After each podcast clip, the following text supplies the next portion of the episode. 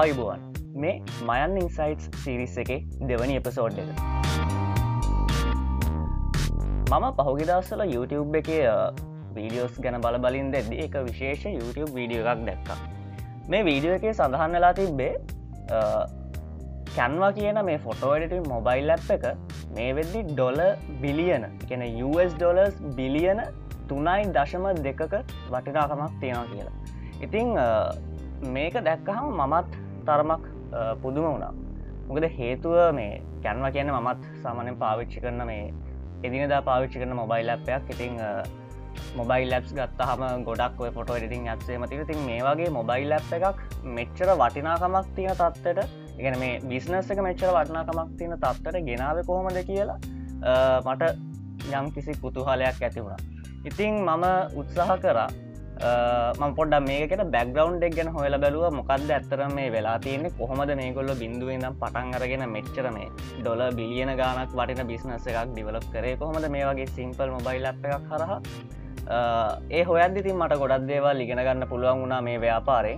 අන්න ඒදේ ඒගෙන ගන්න පුළුවන් වෙච්ච දේවල් ගැන තමයි මම අද මේ මයන්න ඉන්සයිටස් ප්‍රසෝඩ් එක. අද කතා කරන්න බලාපොරොත්තු වෙන්න. ඉතිං මුලිම කියන්න මේක ස්පොන්සර්ට් කටෙන්ට් එකක් නෙවෙයි. මේක මේ මම කැන්ව එක ප්‍රමෝට් කරන්න හදන කටෙන්ට් එකක් නෙමෙයි කිසිමදිකින් ගෙවීමක් වෙන්න නෑ. මේක විශේෂම කරන්න හර මම කලින් කියපු හේතුව නිසා. කියන්නේ අපිට මේකෙන් දෙයක් ගන්න පුළුවන්න අන්න එක තමයි. වටින්න මොකද ව්‍යාපාර කරන ඉන්න වෙන්න පුළුවන් ව්‍යාපාරයක් පටන් ගන්න අදහසක් තියෙන ඉන්න වෙන්න පුළුවන්. තින් මමත් පෞද්ගලිකව මේ බිස්න ස්ට්‍රඩජීස් ගැනහෙම මටත් ලොකු ඉන්ට්‍රස්ට එකක් තිීතින් අන්නේ අධ්‍යනය වෙනුවෙන් තමයි මං මේ වගේ එපසෝඩ් එකක් මේ වගේ කටෙන්ට එකක් හදන්න බලාපොරොත්තු ගුණේ ඉතින් මුලින්ම පොඩි පැදිලි කිරීමක් කරන්න මොකක්ද මේ කැන්වා කියන්න කියලා. කැන්ව කියන්න බේසිකලි ම කලින් කිවෝ වගේ මොබයිල් ලැප් එකක්. මේ මොබයිල් ලැප් එක පාවිච්චි කරලා අපිට පොඩි පොඩි ඩිසයින් වැඩ කරගන්න පුළුව මේ ෆොටෝසේම එඩිට් කරගන්න පුළුව මොබයිල් ලැප් එක ඉතිං මේක තියෙන විශේෂත්වය තමයි ඩිසයින් නොදන්න කෙනෙක්ට වුණත් මේක පාවිච්චි කරලා හරිම ලේසියෙන් හොඳ අවට්පුට් එකක් ගන්න පුළුව මොකද මේගොල්ලන්ගේ මේ ටෙම්පලේට් එහෙම ගොඩක් තියෙන. ගෙන මේ කැන්ව කියන ඇප් එක ඇතුළේ ඒගොල්ලො කලින් හදල දීපු ටෙම්පටස් තියන ඉතින් අපිට කරන්න තියන්නේ අපේ ෆොටෝස් ටික දාලා ටයිල්ස් ඩිස්ක්‍රපෂන් දාලා හදල ගන්න විතරයි. ඒ හර ඒගොලන්ගේ සම්පූර්ණ විශුවල් ඩිසයින් එක ඒගොල්ල කරලා තින ඉතින් අර ඩිසයින් නොලේජක නැති කෙනෙක්ට වුණත් හරි ලේසින් හොඳට හොඳ අවට්පුට් එකක් ගන්න පුළුවන් හැකියාව තියෙන දැන්. ගොඩක් වෙන ඇප්සල ඒ තත්ත්ව අඩු ඉතිං මේකේ කම්පනයකේ පොඩි පොඩි දේවල් ටිකක් ගැන බැලුවොත් අද වෙද්දි මන්ත්‍රී ඇක්ටව් යසර්ස්ල ප්‍රමාණය මිලියන විස්සක් විතර ඉන්න කියලා තමයි හොයාගන්න පුළුවන් වුණේ. ඊට අමතරව මේ මිලියන විස්සෙන් ඉගෙන මන්ත්ලි ඇක්ටව් යසස්ලා මිලියන විස්සෙන් පේඩ් සබස්ක්‍රයිබර්ස් ලයින්නවලු අටලක්ෂ පනස් දහක්කට ආසන්න ප්‍රමාණයක්. එකන මේක ෆ්‍රීවර්ෂන් හෙකුත් තියෙනවා ඒවගේම පේඩ් වර්ෂන් හෙකුත් තියෙන තින් පේඩ් වර්ෂන් එක අරගන්න අට ලක්ෂ ගානක් ඉන්න කියලා තමයි කියන්නේ. මේ ආතනය පටන් කරන් තියෙන්නේ කෝෆවන්ඩර්ස්ල තුන් දෙනෙක් එකතුවෙන්. මෙලනි පර්කින්ස් තමයි මේක සීෝ e විදියට ඉන්න. ගැන චීෆ එක්කටව අපිස විදිහට ඉන්න. ඊට අමතරව තව කලිෆර්ඩ් සහ කැමරන් ඇඩම්ස් කියලා දෙන්නෙක් එකතු වෙලා ඉන්න මේ කැබරන් අඩම්ස් කියන්නේ හිටපු Google එක්කටව් කෙනෙක්. ඉතින් මේ තුන් දෙෙන එකතු වෙලා තමයි දෙදස් දහ තුන වර්ෂය මේ කැන්වා කියන ඇප් එක ලෝන්ච් කරලා තියෙන්නේ. මේ මෙලනි පර්කින්ස් කියන සීෝ මේ ආයතනය එයාගේ තමයි ගොඩක්ම මේ කන්සෙප් එක. සහ දැන්ට එක කළමනා කරන කටයුතුම් කරගෙනයන් ඉතින් එයා ඕස්ට්‍රේලියන් ජාතික කාන්තාවක්. මට දැනගන්න ලැබුණා. දැම් මේ ලෝකයේ තියෙන මේ ඩොලර් බිලියනයකට වටින ඩොල බිලියනකට වඩා වටින ලෝකෙ තින මේ ආයතන බිසිනස් දිහා බැලුවොත් ඒ ටෙක්ස්ටාට් මෙහවන ලාබාලතම කාන්තාවන්ගෙන් එක්කෙනෙක්. ලාබාලතම කෙනනේ වෙයි නමුත් ලාබාලතම කාන්තාවන්ගෙන් එක් කෙනෙක් ඉති ඒකත් එච්චර ලේසි දෙයක් නෙමේ ඒ තත්තර එන එක. මොකද මම හිතන්න යා මේ කැන්වා ඇප් එක හෙම පටන් අරගෙන ලෝංච් කලතින අවුරදු විසි දෙකේදි විතර.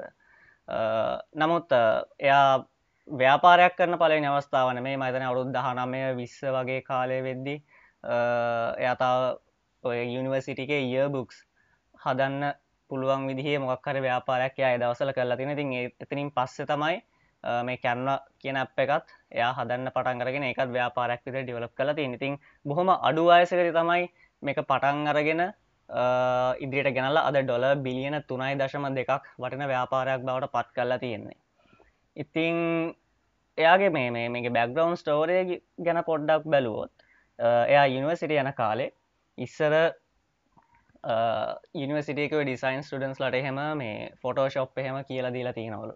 ඉතින් එයා දැකපු දේ තමයි මේ ඒ ෆොටෝශප් වගේ දෙයක් හරිම සංකීර්ණ එක ඉගෙන ගන්න ගිහම ලොකු කාලයක් කෙන එක ගාන වැඩි.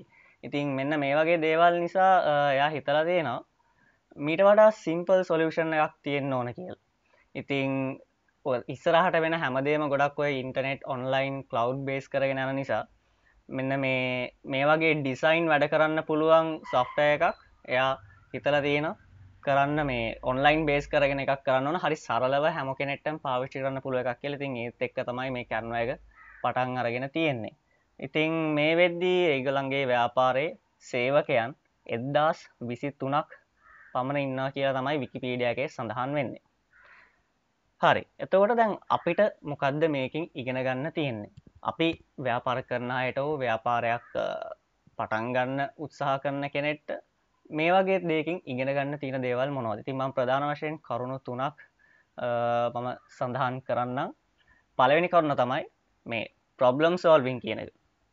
කියන්නේ එයා මුලින්ම හඳුනගත්ත මේ මිනිස්සු අතර තියෙන ලොකු ප්‍රශ්නයක්. ඒ තමයි අර මම කලින් කිව්ව වගේ මේ ෆොටෝශප් කියන එක ඉගෙන ගන්න ලොකු කාලයක් යන ඒවගේම ගාන වැඩි. ඉතිං මේක මේ හැමෝටම ඇක්සස් තියන දෙයක් නෙවෙයි.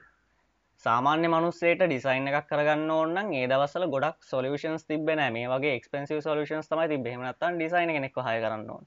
ඉතින් ඩිසයින් නොලේජක නැති කෙනෙක්ට වුනත් හරි ලේසියෙන් පාසුවෙන් ඉක්මනට ඩිසයින් එකක් කරගන්න පොඩි ග්‍රෆික් එකක් කරගන්න පුළුවන් හැකියාව ඉස්සර තිබෙන ඉතින් මෙයා මේ මෙන්න මේ ප්‍රශ්නය දැකපු නිසා තමයි එයා හිතුව ඒකට සොලියෂන් එකක් දෙන්න ඕන කියලා.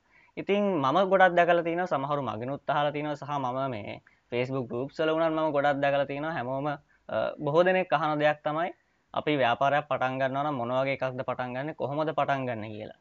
ඉතිං මෙන්න මේකින් ගන්න පුළුවන් දෙලා මේ ප්‍රොබ්ලම් සල්වින් කියන එකන්නේ අපි දැම් මිනිස්සු දිහා බැලුවොත් අපි හමදාම විවිධ අපට හමදා විද ගැටලු මතුවෙන අපි ජීවිතය ගොඩක් චලෙන්ජස් වලට මුහුණ දෙනවා. ඉතින් අපිට පුළුවන්නම් මෙන්න මේ වගේ සමාජය හෝ පරිසරය හෝ අපේ අපි එදිනෙදා ජීවිතයේදී මුහුණ දෙන දේවල් බලලා අපි අපි මුහුණ දෙන ඒ චලෙන්ජස් අභියෝග වගේ දේවල් බල අපට පුළුවන්නම් හොඳ සොලියෂන් එකක් දෙන්න.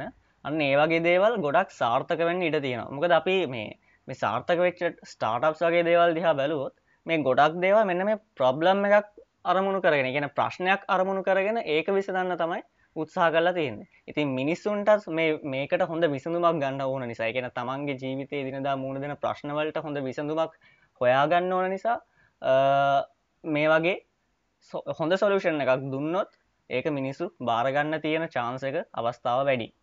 ඉතින් දෙවනි කාරණය තමයි කම්පලිකේට දේවල් සිම්පලිෆයි කරන එක. එකන ගොඩක් සංකීර්ණ දෙයක් අතිශයින්ම සරල දෙයක් බවට පත් කරන එක. මම මේකට පොඩි උදාහරණ කිහිපයක් ගන්න පලවෙනික තමයි මේ පර්සනල් කම්පිටස් කියන දැන් එඩ්දාස් නමසේ බරගණන් වල බැලුවොත් කම්පියට එකක් කියන දේ මිනිස්සුන්ගේ ගෙදර තිබ්බ දෙයක් නෙවෙයි. ඒක එක්තරා සීමාවක් සහිතව තමයි ඉස්සර පාවිච්චි වුණේ. ඉතින් ගෙදරකට කම්පියට එකක් ගෙනල්ල පාවිච්චි කරන පුළුව හැකියාවක් තිබෙන වගේම සාමාන්‍ය මනුස්සෙක්ට ඒකෙන් ගන්න ප්‍රයෝජනයක් තිබෙන්න නමුත් මේ ස්ටීව් බොස්නියක් සහ ස්ටීව් ජොබ්සන් එකතු වෙලා කරේ මේ කම්පියුට එක එකනර කිහිප දෙනෙක් අතර විතරක් තිබ්බ දෙයක් ගොඩක් මිනිස්සු අතරට ගෙනනිච්චා ඉස්සර තිබ පරිගණක තාක්ෂණය එහෙම ගොඩක් සංකීර්ණ දෙයක් නිසා ඒක ගොඩක් සරල දෙයක් කරලා පොඩිලමෙක්ට වනත් පාවිච්චි කරන්න පුළුවන් තත්ත්වයට ඒගොල මේක ගෙනාව. ඉතිං ඒක එක උදාහරණයක්. ඒවගේ තව දෙයක් තමයි මේ අපි අද පාවිශ්‍යන කැමරාව. දැන් ඉස්සර කැමරාවක් වුණත් හැම කෙනෙක්ගේ මතේ තිබෙන ඒක හැමෝට මැක්සස් තිබෙන සහ මේ ප්‍රොෆෙෂනල් ෆොටෝග්‍රෆර්ස් ලාතර විතරයි මේක තිබේ වගේ මේක මේ ඉගෙන ගන්නත් ගොඩක් දේවල් තින හරිම සංකීර්ණ දෙයක්. ඉතින් ලේසියෙන් ඉස්සර ෆොටෝ එකක් සාමාන මනුසේට ෆොටෝ එකක් ගන්න පුළුවන් හැකියාව තිබෙත් නෑ. නමුත් අද වෙද්දි මේක මේ හැම කෙනෙක්ගේ මතේ තියෙන දෙයක් බවට පත්වෙලා මේ ස්මාර්ට් ෆෝන් එකත් එක්ක හැමෝගේ මතේ අද වෙද්දි කැමරාවක් තියෙනව. සහ අර දැන් ඩSLR කැමරාවක් වගේ නම් සාමාන්‍ය මනුස්සේට අරදුන්නහම යට හරි ලේසින් ෆොට එකක් ගන්න බෑ නොක එකච්චට සංකීර්ණයි. නමුත් මේ අපේ අතේ තියෙන කැමරාවේ එක කොච්චර සරල දෙයක්ද කියනවනම් පොඩිලමෙක්ට වුණත් වයසක් කෙනෙක්ට වුණත් ඕනම කෙනෙක්ට හරි පහසුවෙන් ෆොට එකක් ගන්න පුළුවන් හැකියාව තියෙනවා. ඉතින් අන්න ඒ වගේ මේ හැම කෙනෙක් අතරම තිබ්බෙ නැති සීමිත පිරිසක් අතර විතරක් තිබ්බ දෙයක් මේ පොදුවේ මහජනතාව අතරට ගේන්න තරම් එකන ගොඩක් සංකීර්ණ දේවල් සරල කරලා මිනිස්සු අතරට ගෙනල්ල තියෙනවා. මේක කියද්දි තරමක් ලේසි වගේ තේරෙන පුළුවන්. නමුත් ඇත්තරම අපි මේ වගේ දෙයක් කරන්න ගිහාම ලේසිනෑ මොකද අපි මේ වගේ අවස්ථාවක් හඳුනගෙන ඒ ගොඩාක් සංකීර්ණ දෙයක් සරල දෙයක් කරලා මිනිස්සු අතරට ගෙන කොහෙත්ම ලේසි නෑ. නමුත් ඒවගේ දෙයක් කරන්න පුළුවන්න ගොඩක් සාර්ථක වෙන්න අවස්ථාව වැඩි. තුන්ගනි කරණය විදිට ම දකින්න මේ මාකට් පොසිෂනිං එක. එකන මේ කැන්ව කියන ව්‍යාපාරය කොහොඳ මාකට් එක පොසිෂන් කරගෙනන්නේ අපි ෆොටෝ එඩිටිං ඇප්ස් දිහා බැලුවොත් ඒක මේ ගොඩක් ඇප්ස් තියනවා මේ වෙද්දි. ස්මාර්ට ෆෝන් වලට විශේෂම ස්මාර්ට ෆෝන් වලට ගොඩක් ඇප්ස් තියන අපිට ලේසියෙන් පහසුවෙන් ඩිසයින් එකක් කරගන්න පුළුවන්. එතකොට මෙන්න මේ මේ වගේ ලොකු කම්පිඩිෂන්යක් අතරින් කොහොමද මේ කැප් එකක් මෙච්චර වෙනස් වෙන්නේ? ඉතින් මේගොල වෙනස් වෙන විදිහ තමයි මේ ඇප් එක ගොඩක් දීලා තියෙන සෝශල් මීඩිය ටාගට් කරගෙන ඩිසයින් කරන එක. එකන්න මේ අපිට බලාගන්න පුළුවන් එක පලටෆෝර්මල්ට අදාලා එක ටෙම්පලට් සින දැන් ෆේස්බුක් එකට කව ඩිසයින් එකක් කරගන්න ඕන ඒගොල්ල එකට ටෙම්පලට් එකක් හදලදින ඉතින් අර සෝශල් මීඩිය පෝස්ට හෙමනත්තන් සෝශල් මීඩියවල අපි ඇඩ් කැම්පේෙන් එකක් කරනවන ප්‍රෆෙෂනල් කෙනෙක ප්‍රෆෙෂනල් මාකට ගෙනෙට වුනත් මේ පාවිච්චි කරන්න පුළුවන්ට හරි ලේසින් පුංචි කාලයක් ඇතුළද ඇඩ් එකක් ඩිසයින් කරගන්න පුළුවන් මේ සොෆ්ටය එක හරහා. ඉති ඒගොල මේ ඩිලිව කරන්නේ අර සෝෂල් මීඩිය පෝස්ට් හදනායව ටාගට් කරගෙන. ෆොටෝ එඩිටිං අප ගමනත්තන් ඩිසයින් එකක් කරගන්න පුළුවන් ඇප් ගත්තාහම මේවා මේ ඇපලිකේෂන් එක. ගැන අපි ප්‍රායෝගිකව පාවිච්චි කරන අවස්ථා ගොඩක් තියෙනවා. ඉතින් මේගොල්ලො අවස්ථාවලින් එක අවස්ථාවක් තෝරගෙන අන්න ඒකට තමයි විශේෂයෙන්ම ඩිලිව කරන්න.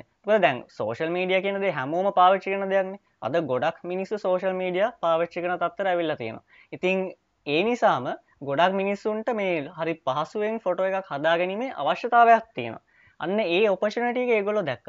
මේ මාකට් එක තියෙන ඔපචනට ඒක දැකලා ඒක ඒ වෙනුවෙන් තමයි ඒගොල්ලො ඩිලිව කරන්න. ඉතිං අර මාකට් එක තින අනිත් ඇප්සල්ට වඩා හොඳ යුනික් ඇප් එකක් විදිහට ඒගොලො විශේෂ අනිත් අයට වඩා විශේෂ විදිහට ඒගොල මේ මාකට් එක පොසිෂන් කරගෙන ඉන්නවා. ඉතින් මෙන්න මේ දේවල් තමයි මට මේ ගැන හොයද්දි දැනගන්න පුළුවන් වුණේ. මම ඉල්ලන්නේ මේ ගැන ඔගොලොත් හොයලා බලන්න. පුළුවන්න මේ මෙලනි පර්කින්ස් කියන කෙනගේ මේ කතාව ගැන පොඩ්ඩ බාන්න මොකද ම දැක්ක YouTube එක එහෙම මේ හොඳ ඉන්ටවිවයක් එහෙම තියෙන යායාගේ කතාව කියන කොහොඳ මේක පටන්ගත්ත කියලා. ගොඩක් ගන්න දේවල් තියෙන වගේම මේ හොඳ ඉන්ස්පෑරිං කතාවක් යටතින විශේෂයෙන්ම මේ මෙයා කාන්තාවක් විදිරෙන් අපේ රටෙත් ගොඩක් කාන්තාවන් ඉන්න ඉතිං මේ ලාබාල තරුණ කාන්තාවකින් අපිට ඉගෙන ගන්න ගොඩක් දේවල් තියෙන දෙයක් කරනවන ඉතින් අපේ අයට වනත් හොඳට ඉන්ස්පායවෙන්න පුළුව හොඳ කතාවක් තියෙන අපට ඉගෙන ගන්න දේවල් තියෙන ඉතින් මේ මෙලනි පර්ගින්ස් ගැන ටිකක් හොයල බලන්න.